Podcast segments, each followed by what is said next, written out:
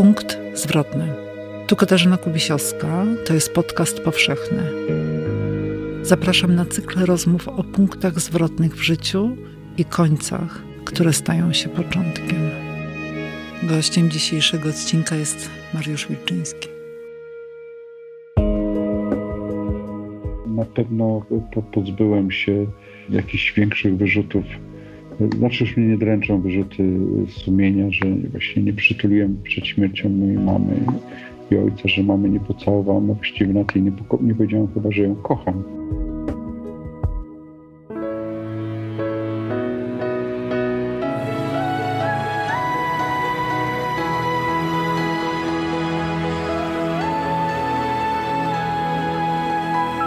Podcast powszechny.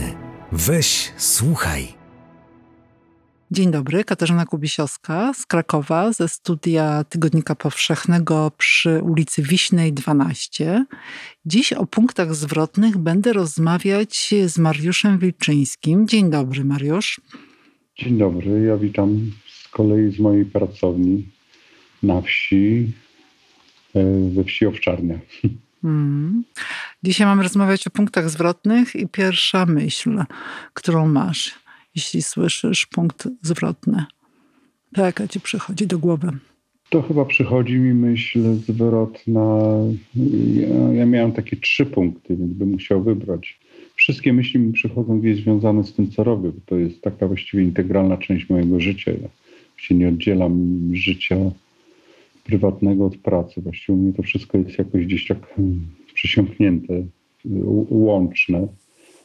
I no chyba, chyba, chyba, chyba to jest spotkanie nalepy hmm. w moim życiu, jak byłem nastolatkiem. Tadeusza nalepy. Tak, myślę, że, że to była taka najbardziej, wiesz, oczywiście wiele jest punktów, trzy najważniejsze, a ten taki najważniejszy ze wszystkich.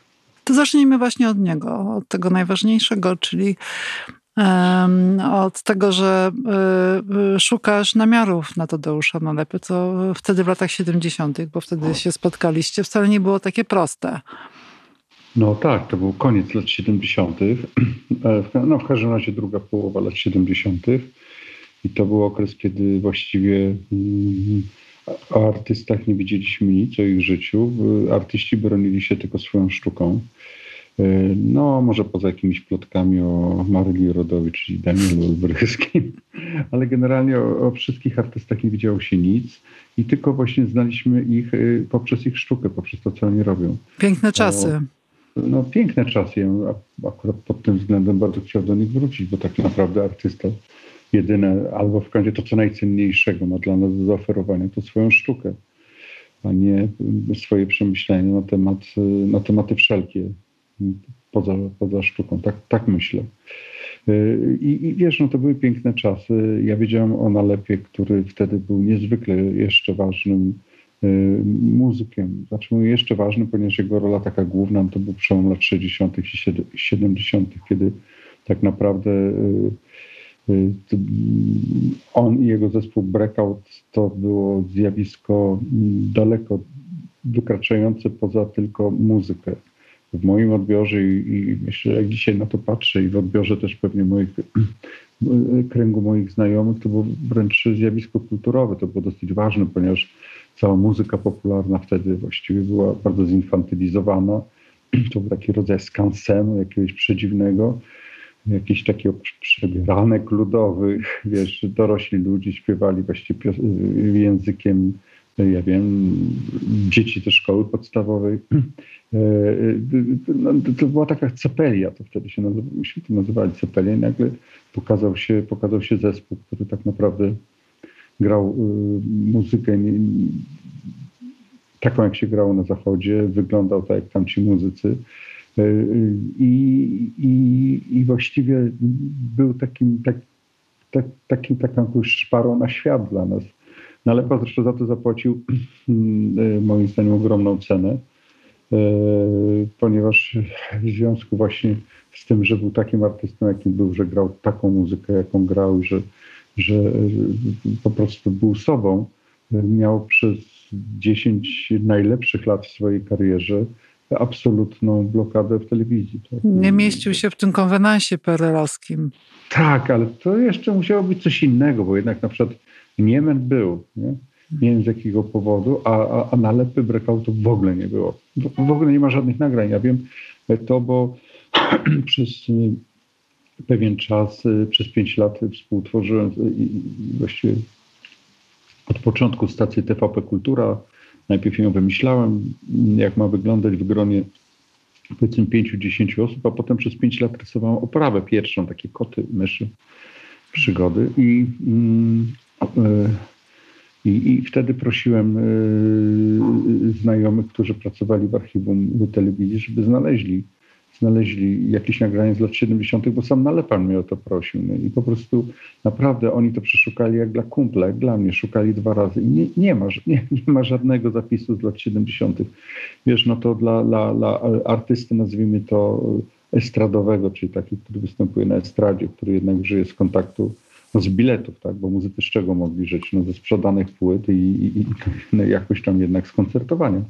Mimo, że w komunizmie to było bardzo mm, wykrzywione to powiedzmy ta, ta, ta, ta prosta relacja między ilością widzów a, a, mm, a zarobkami artystów, ale jednak gdzieś to miało wpływ, e, no to, no to, no to on był odcięty od tego, tak? a jednocześnie nie zrobił nic, żeby, żeby tę sytuację zmienić. No i krótko mówiąc, był moim, wiesz, no był takim jednym z najważniejszych artystów mojej młodości. No, ale jak go znalazłeś? No i słuchaj, no, znalazłem go, wiesz, tak, że w jakimś takim impulsie nie wiem, przedziwnej odwagi, jak miałem 18 chyba lat, wykręciłem numer, wiesz, no to trzeba od razu powiedzieć, że to były takie czasy, kiedy nie można było połączyć się z innym miastem od po prostu tak jak dzisiaj to dzwonimy. Tak? Dzisiaj mamy telefon komórkowy i możemy właściwie zadzwonić w każdy punkt na ziemi. Wtedy, żeby zadzwonić do innego miasta, to trzeba było wziąć e, e, e, słuchawkę i wykręcić numer do tak zwanej centrali międzymiastowej. No i ja tak zrobiłem, wykręciłem do centrali międzymiastowej. No i tam po chwili pani odebrała i ja powiedziałem, dzień dobry, poproszę z Rzeszowem, z Tadeuszem Nalepą. A pani mówi, ale nieważne z kim, niech pan mi numer podaje. My proszę, ja nie mam numeru. No i pani się skonfundowała troszeczkę. Mówi, dobrze, to niech pan poczeka, ja pana połączę z, z, z centralą w Rzeszowie. No i gdzieś po dwóch, trzech godzinach, no pamiętam, chyba całą paczkę papierosów wtedy paliłem, papierosy wypaliłem z nerwów. Mhm. Ona mnie połączyła z Rzeszowem, no i to te telefony wtedy też tak brzmiały, skrzeczały niemiłosiernie, zniekształcały i tam słyszę tej centrala Rzeszów, słucham. Idziemy, dzień dobry, poproszę z Tadeuszem Nalepą. I słuchaj, dzisiaj w czasach RODO to jest niezrozumiałe, tak? Bo mm. nawet ja jestem profesorem w szkole filmowej i jak przyjmujemy te 10 osób na animację co roku, to lista przed dziekanatem wygląda tak. Jola, Krzysztof, Henryk, Jola, Mariusz, Andrzej. Nie można podać nazwisk, są same imiona. Potem ci biedni kandydaci wchodzą do dziekanatu i wiesz, trzy jole są odrzucone i się okazuje, że czwarta jola jest przyjęta dopiero. Więc to jest niezrozumiałe w dzisiejszych czasach RODO, bo pani wtedy powiedziała, a Tadeusz Nalepo, on proszę pana tutaj już nie mieszka, ale mogę pana połączyć z ojcem. Mhm. No i połączyła mnie z tatą Tadeusza. Ja... Y, z emocji po prostu natychmiast wymyśliłem jakieś kłamstwo. Bo prawdę powiedziawszy, jak ja dzwoniłem, to w ogóle nie wiedziałem, co mam powiedzieć. Jak się, się chciałem dodzwonić do nalepy, ale nie wiem, gdyby on odebrał, to pewnie bym odrzucił tę słuchawkę.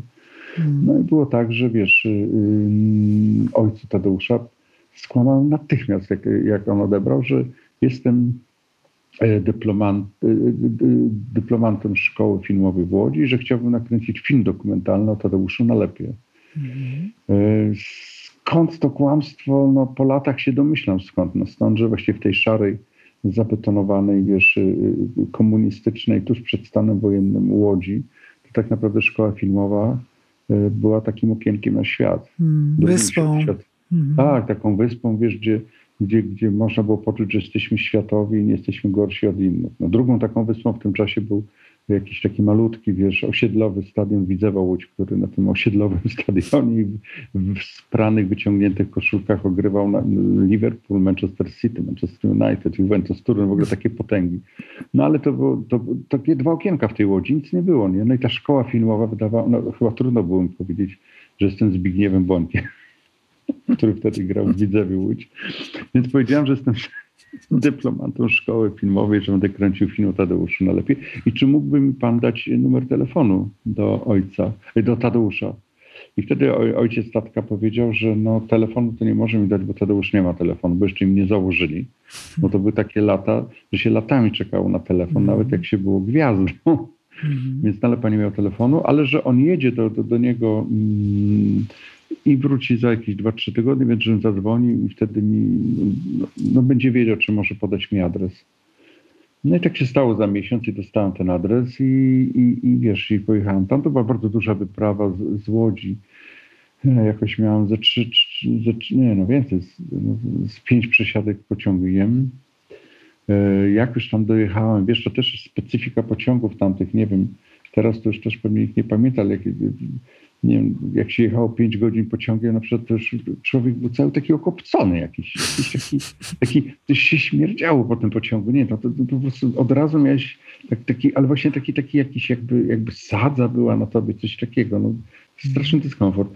No ja tam dotarłem do, do, do domu, bo Nalepa miał dom w środku lasu, taki bardzo duży i, i, naprawdę to był środek lasu, nie to, że tam domki tuż obok, tylko to był las i w środku dom i nikogo nie było. I, i wiesz co, byłem zmęczony trochę, taki też właśnie trochę, no i zas, zasnąłem po prostu, tam się schowałem, się położyłem z boku i, i, i to pamiętam jak dziś, że po prostu spałem, spałem w pewnym momencie tak we śnie usłyszałem, wiesz, numer breakoutów jakiś, usłyszałem wyraźnie głos na lepiej Miry, ale wiesz, byłem, byłem fanem. Miry Kubasińskiej.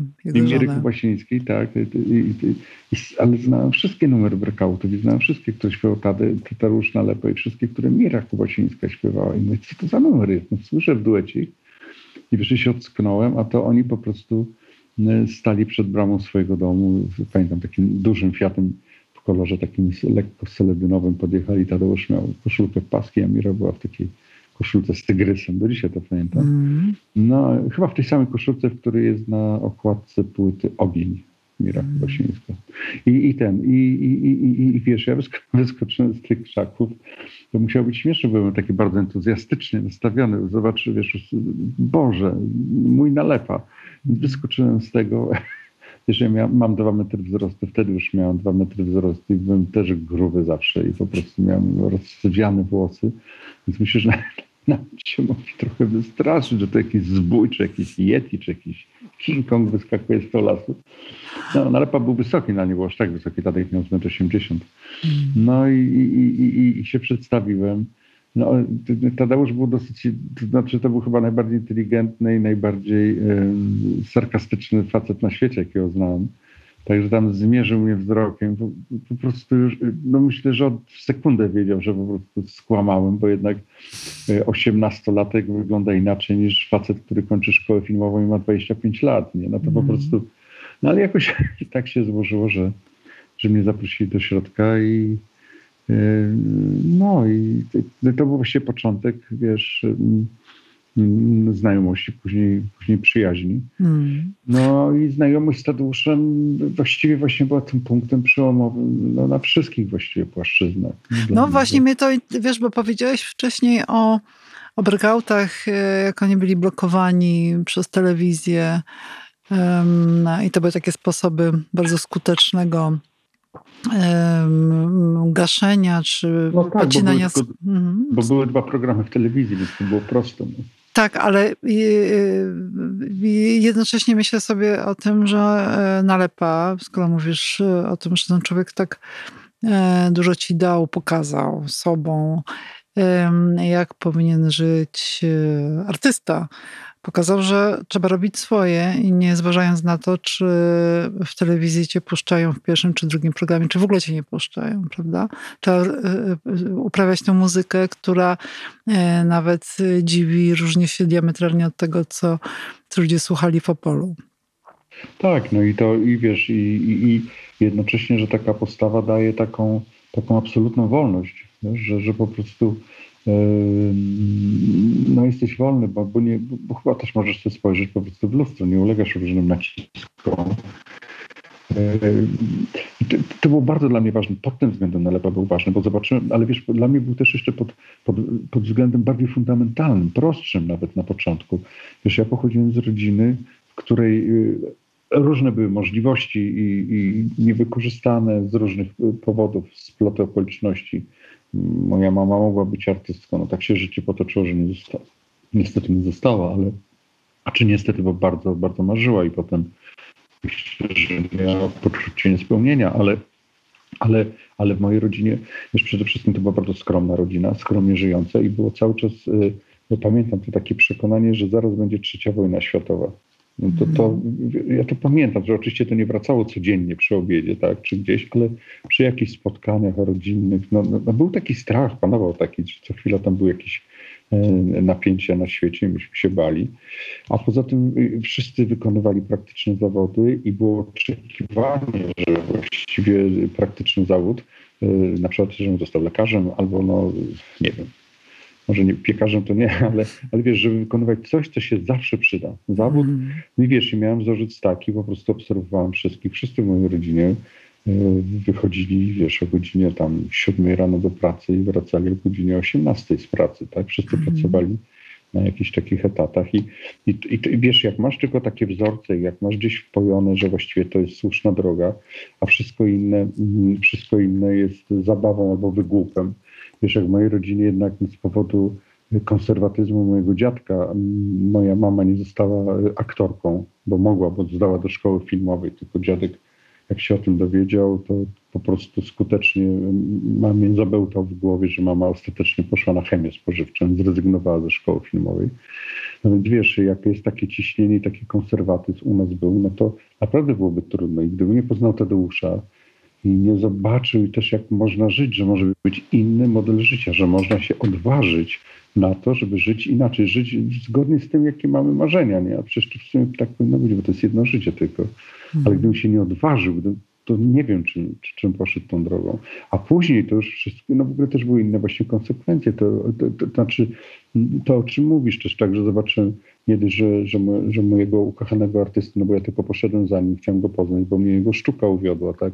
To później to, że zobaczyłem właśnie, jak można żyć, że można, że można być takim mocnym. Dru, drugą próbę, ja pamiętam, w stanie wojennym, no wtedy, już tam y, y, przyjeżdżałem, czasami mieszkałem tydzień, czy, czy, czy ileś tam dni u tatka i jak był stan wojenny, wszyscy koledzy gdzieś tam no, bardzo znani, więc nie będę wymieniał, nazwisk, jeździli tam dostawali możliwość wyjazdów na statek, tak, brać do kotleta i Nalepa tego nie zrobił, no, mimo że oczywiście miał propozycję, bo, bo, bo, bo, bo myślę, że po prostu no, nie chciał, nie chciał, wiesz, nie chciał, e, jak to powiedzieć, no po prostu uważał, że że, że nie wszystko jest na sprzedaż. Nie? No, a... mimo, że, mhm. mimo, że wtedy był bardzo biedny. Ja pamiętam, mieszkał w wielkim domu, ale też był moment rozwodu z Mirą Kubasińską i tam miał właściwie tak naprawdę parę jednych jeansów, naprawdę pamiętam parę jednych jeansów, gitarę swoją kochaną, takiego Gibsona fajnego. No, a ty miałeś taki moment w życiu, że przymierałeś głodem, biorę to w cudzysłów, no ale coś cię kusiło. Jakaś atrakcyjna praca, za którą mógłbyś zarobić bajonsko, bajońskie pieniądze, ale nie wziąłeś, bo, bo to byłby za duży kompromis artystyczny. No tak, no znaczy wiesz, oczywiście w kontekście i, i dla ludzi, którzy wiedzą jak wyglądam, to faktycznie sformułowanie, że przymierałem głód, to brzmi dosyć humorystycznie, bo mam dwa metry wzrostu i ważę, nie wiem, 140 kilo, nie? Ale generalnie no nie, nie, no miałem, miałem taki moment, że, że wiesz, że, że faktycznie to było od 2000 roku życia, jakieś do, od 2000 roku do, ja wiem, do 2000 czwartego, że kiedy, kiedy no po prostu nic, nic, nikt nic ode mnie nie chciał, wiesz, i, no i miałem, miałem długi i gdzieś tam pracowałem nawet na parkingu, pilnowałem samochodów, potem próbowałem się zahaczyć w szkole e, podstawowej, że uczyć dzieci rysunku, ale miałem długie włosy, więc wiesz, tam coś pani kręcił mm, nosami. No i krótko mówiąc, tak, i w tym czasie miałem propozycję zrobienia reklamówki, pamiętam, do, do znanych marek samochodowych przez firmę Platyży Masz, tak, to było taki, pamiętam, to były duże pieniądze i ja powiedziałem, że nie, nie będę rysował tego, bo no, bo nie chciałem, wiesz, jakoś ubrudzić mojego sposobu rysowania. No po prostu myślę, że są rzeczy nie na sprzedaż. No może to jest głupie, może to jest naiwne, może to jest... Ale nie jestem do kupienia i to, to, to wiem, nie? Znaczy oczywiście nie wiem, jakbym się zachował, gdybym na przykład moja, na przykład jakaś najbliższa osoba potrzebowała pieniędzy na lekarstwo. No to są stanie, wiesz, konieczności wyższej, wtedy oczywiście mm. wszystko jesteś pewnie w stanie zrobić, ale dopóki nie masz takiego noża na gardle, na gardle nie? dopóki nie masz takiej ekstremalnej sytuacji, to po prostu jest to nie na sprzedaż i właściwie robię tylko wszystko na, na swoich warunkach. Wszystko, nawet jak robiłem rzeczy, można powiedzieć, no półkomercyjne, właśnie prawo TVP Kultura, ale to robiłem dlatego, że mi poprosili, powiedzieli, że robił to, co chcę. No, dlatego wymyśliłem tam te historyjki wszystkie. Mhm. Nigdy żadnych kompromisów? Naprawdę? Nie, no właśnie staram się przypomnieć, czy coś robiłem takiego. Nie, no mhm. nigdy. No. No to brawo. Mhm. Nie, naprawdę. No, mhm. Nawet jeżeli ktoś się znajdzie i u Ciebie potem w programie, po, po, po wysłuchaniu naszej rozmowy yy, wyślę dowód, że było inaczej, to jestem w stanie nie wiem, dać obrazek, nie? Mhm. Ale nie, nie przypominam sobie. Nie, nie było nic mhm. takiego. Mariusza, jakbyś miał powiedzieć o tym drugim punkcie zwrotnym, to co to jest? Wiesz co, drugi punkt zwrotny to myślę, że on się wydarzył teraz w związku z moim filmem Zabity i wyjedź z tego miasta. Mm. I to, znaczy, no nie wiem, czy ten jest ważniejszy. No zacznijmy od tego, skoro już zacząłeś o nim mówić. On nie jest chronologiczny, bo on jest akurat ostatni. Mm. Ale okej, okay. on jest, wiesz, no to jest przyjęcie mojego filmu Zabity i wyjedź z tego miasta.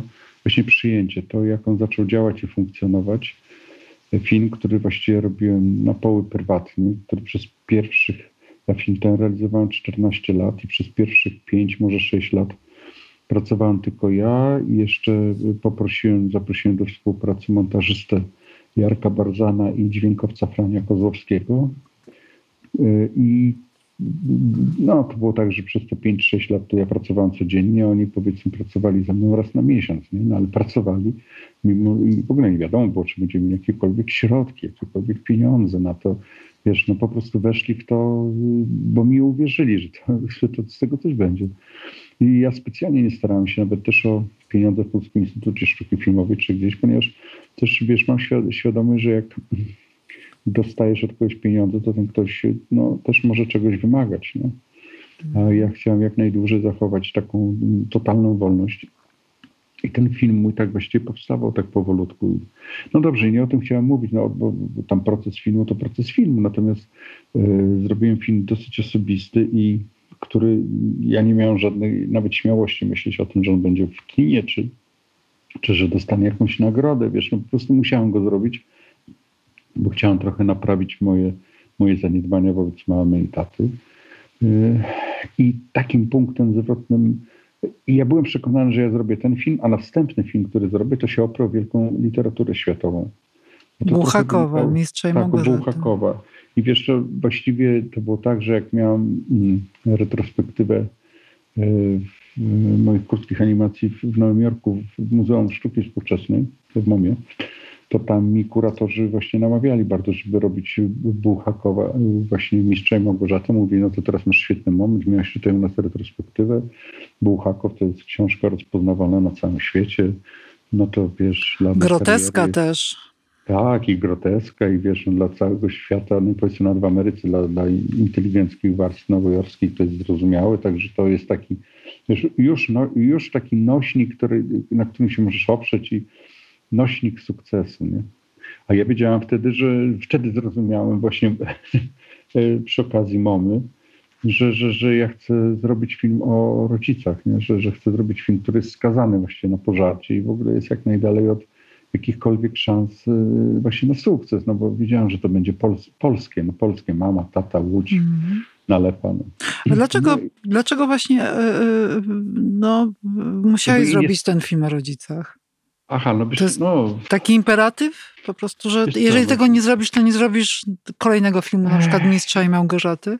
Nie wiem, to było po prostu coś takiego, co cały czas mi, wiesz, co pewien czas wracało do mnie, to, że jak, e, wiesz, że cały czas zaniedbywałem rodziców i to w taką, takiej formie, wiesz, to nie były wielkie zaniedbania, nie? to nie było nic takiego, że tam jesteś złym synem, niedobrym dzieckiem i, nie, to było po prostu takie, takie najprostsze, najmniejsze kamyczki, nie? że mama dzwoniła, widzisz na komórce, że dzwoni, ale dobra, nie mam czasu teraz, bo coś robię, bo rozmawiam z tobą, tak? Hmm. Myślisz sobie, dobra, dzwonię za dwie godziny, ale za dwie godziny, kurczę, pies chodzi pod drzwiami, mówisz, dobra, idę z psem. A potem robisz coś innego, potem patrzysz wieczorem, mówisz, dobrze, jutro zadzwonię. Nie? A potem nie dzwonisz przez cztery dni, bo masz ważniejsze rzeczy A później mama umiera, już nie ma szans. Tak, a potem wiesz, moja mama zawsze mówiła, jak ja mówiłem, mamo, no przepraszam ci, nie mam czasu. A ona mi zawsze mówiła, Mariuszku, ty nie mów, że nie masz czasu. Ty powiedz, że dla mnie nie masz czasu. Nie? Mm. No i to bolało. Potem sobie myślałem, że na drugi dzień pojadę do Łodzi, ale jechałem oczywiście po dwóch miesiącach, jak sobie przypomniałem, albo jak miałem chwilę czasu. I nagle to, co powiedziałeś, nagle się okazuje, że mamy nie ma. Mm. I że już nie możesz tego naprawić. Dopóki ktoś żyje i jest, jest możliwość naprawienia swojego błędu, wyjść na drugą, to jest, a tu nie ma. I nagle mama umarła i ojciec, męża mi rozwiedzenie od trzeciego mojego roku życia i, i jest pustka i nie możesz nic. Jest po prostu taka bezbrzeżna, czarna dziura ciszy.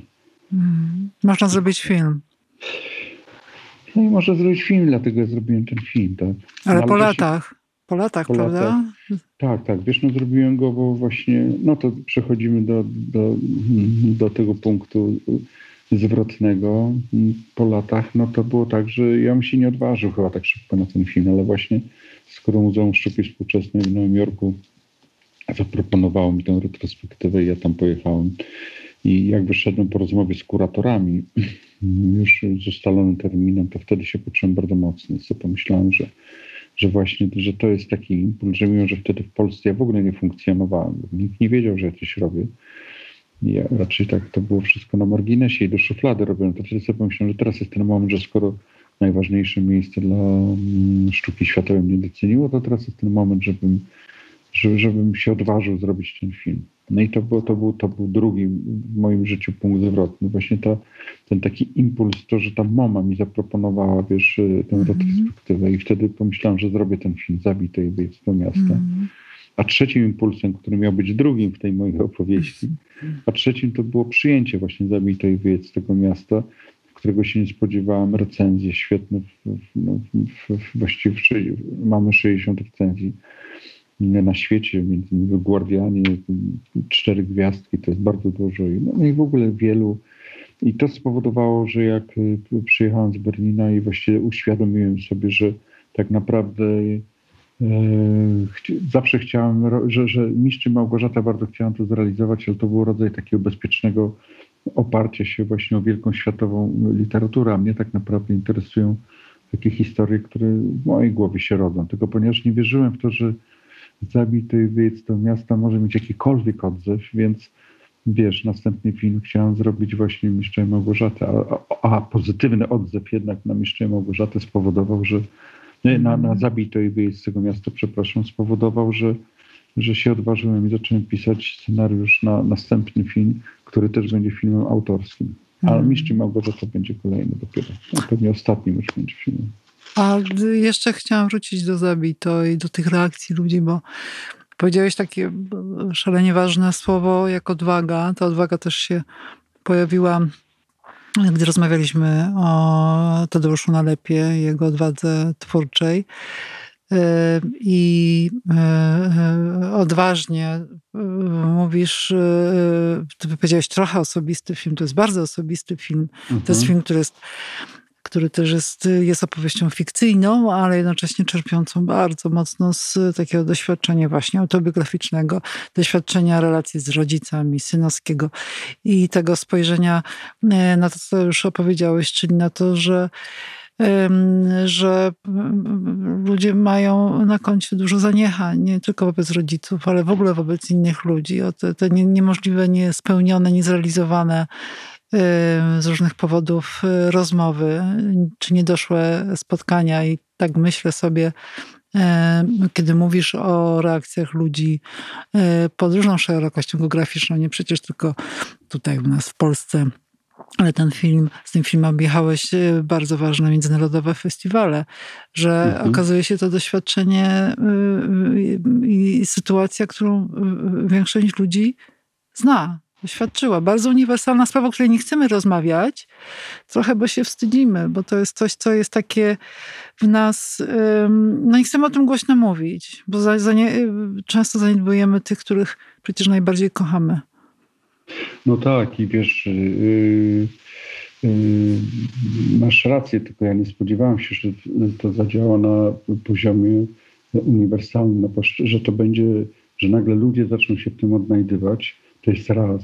ale dwa, że ludzie zaczną E, no może powiem inaczej, bo z drugiej strony, nie, najpierw powiem tak, pierwsze reakcje, jakie były właśnie na festiwalu w Berlinie i później jak y, potem był lockdown, ale film zaczął jednak kursować po festiwalach e, online e, i reakcje ludzi były takie, że dostawałem listy, że że, że, mm, że ludzie zaczęli bardziej, bardziej dbać o swoich rodziców, o mamy, o ojca, zaczęli albo albo pisać do nich, y, zaczęli dzwonić. Y, jak było to możliwe, to zaczęli odwiedzać.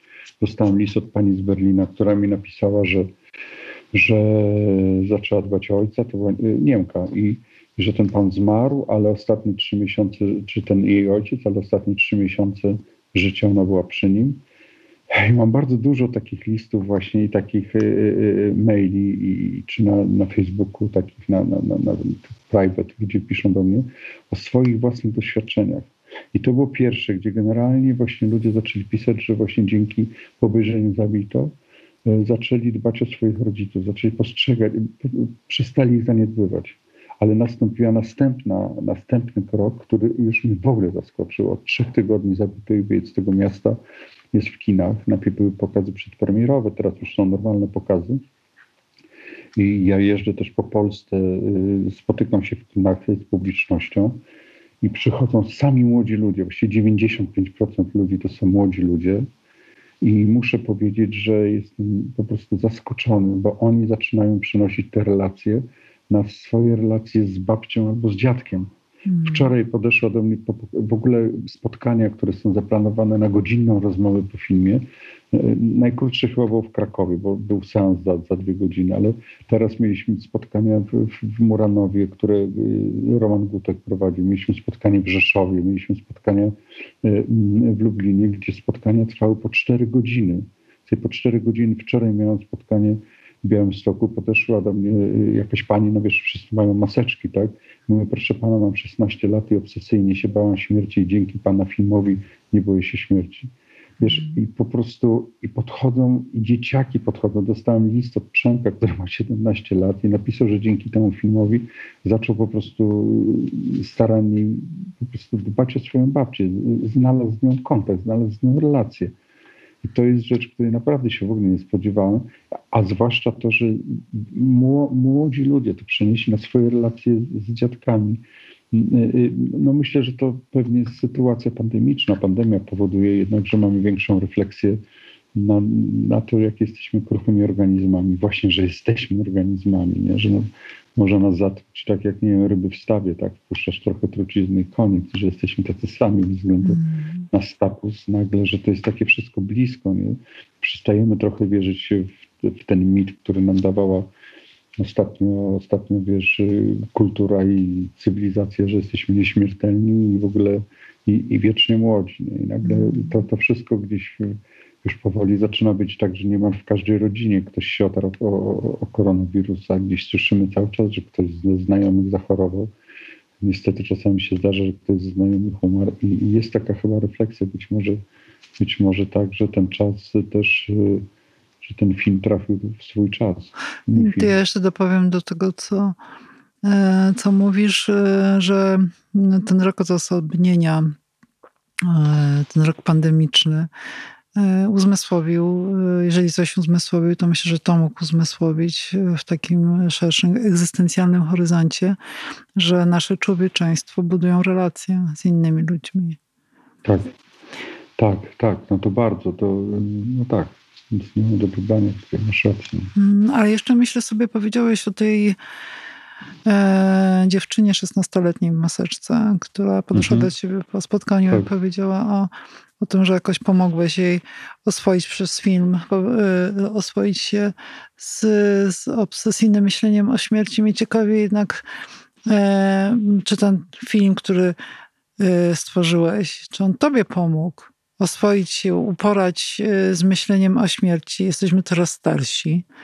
Mhm. E, im człowiek, im, im, więcej mamy lat, y, tym częściej ta myśl się pojawia. Już w postaci rodziców ona, no to my stajemy na, na tym brzegu, nad y, y, piersi, idziemy w stronę śmierci.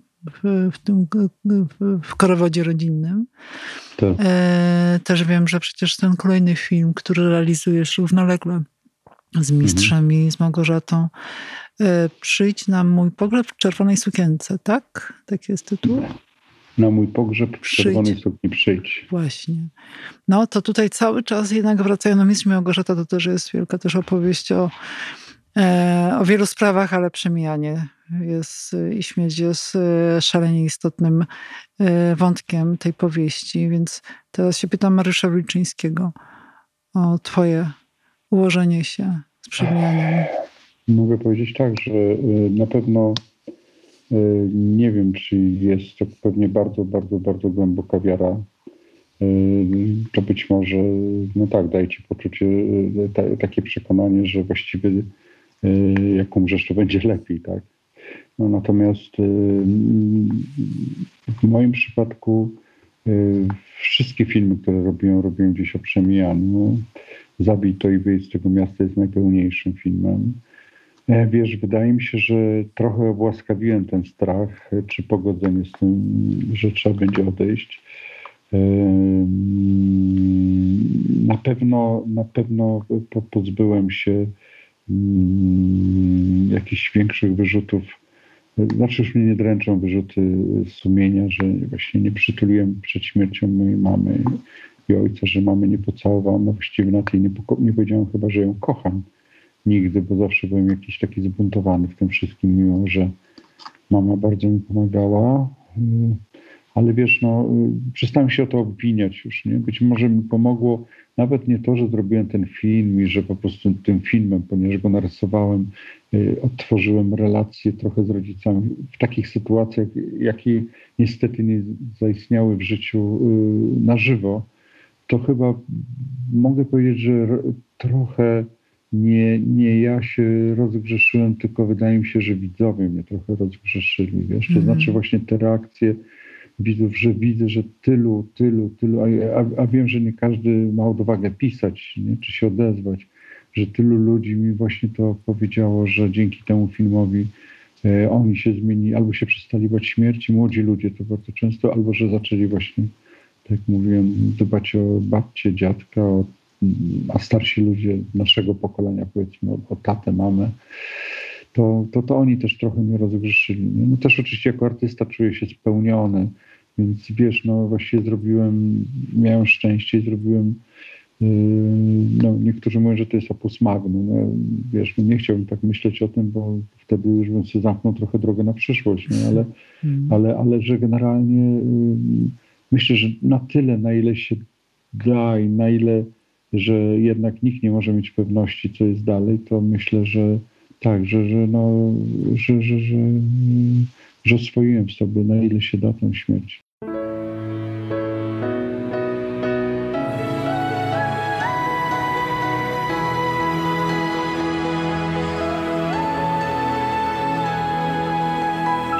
Podcast powszechny. Weź, słuchaj.